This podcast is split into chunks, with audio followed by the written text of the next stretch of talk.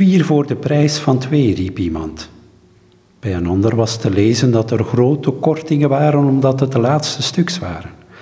Alles is vers, hoorde ik gewoon, terwijl ik de markt achter mij liet.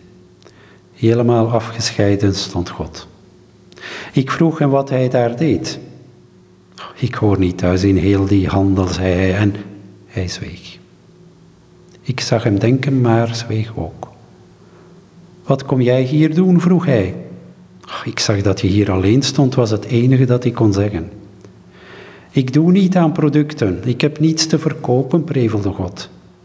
Weet je, zei hij, ik dien tot niets en dat is een probleem.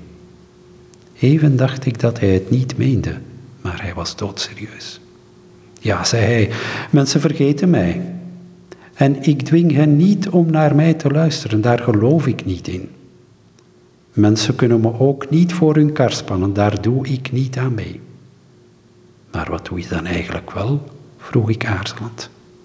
Ik ben er altijd. Ik luister altijd en ja, dat allemaal omdat ik liefde ben. Het ging me door merg en been wat God vertelde. Het was allemaal zo oprecht, dat voel je. In mij groeide de aandrang om voor Hem op te komen. Dit kan toch niet, zei ik. Het is al even zo, klonk het als een vreemde troost. Eigenlijk is het omdat ik kwetsbaar ben. Jij kwetsbaar, riep ik uit.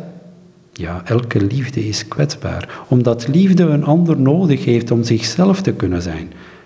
Daarom word ik gelukkig als ik er mag zijn. Als iemand me toelaat, wordt mijn liefde nog groter, omdat ze in die ander geboren wordt. Het lijkt dan of ik groei, zei God. Gods woorden kwamen mij bebinnen alsof ik die voor het eerst hoorde. Ik wilde van alles voor hem doen. Zou een actiecomité iets zijn, vroeg ik hem, waarbij ik aandacht voor je zou vragen, zoals andere groeperingen opkomen voor wie opzij geschoven wordt? Moet je niet doen, zei hij. Dat is heel vriendelijk van je. Maar ik geloof meer dat het iets is van hart tot hart, een vonk die overslaat, en dat het zo een vuur kan worden. Ik moet verder, zei ik. Volgende week kom ik terug. Dat van die vonk klopte.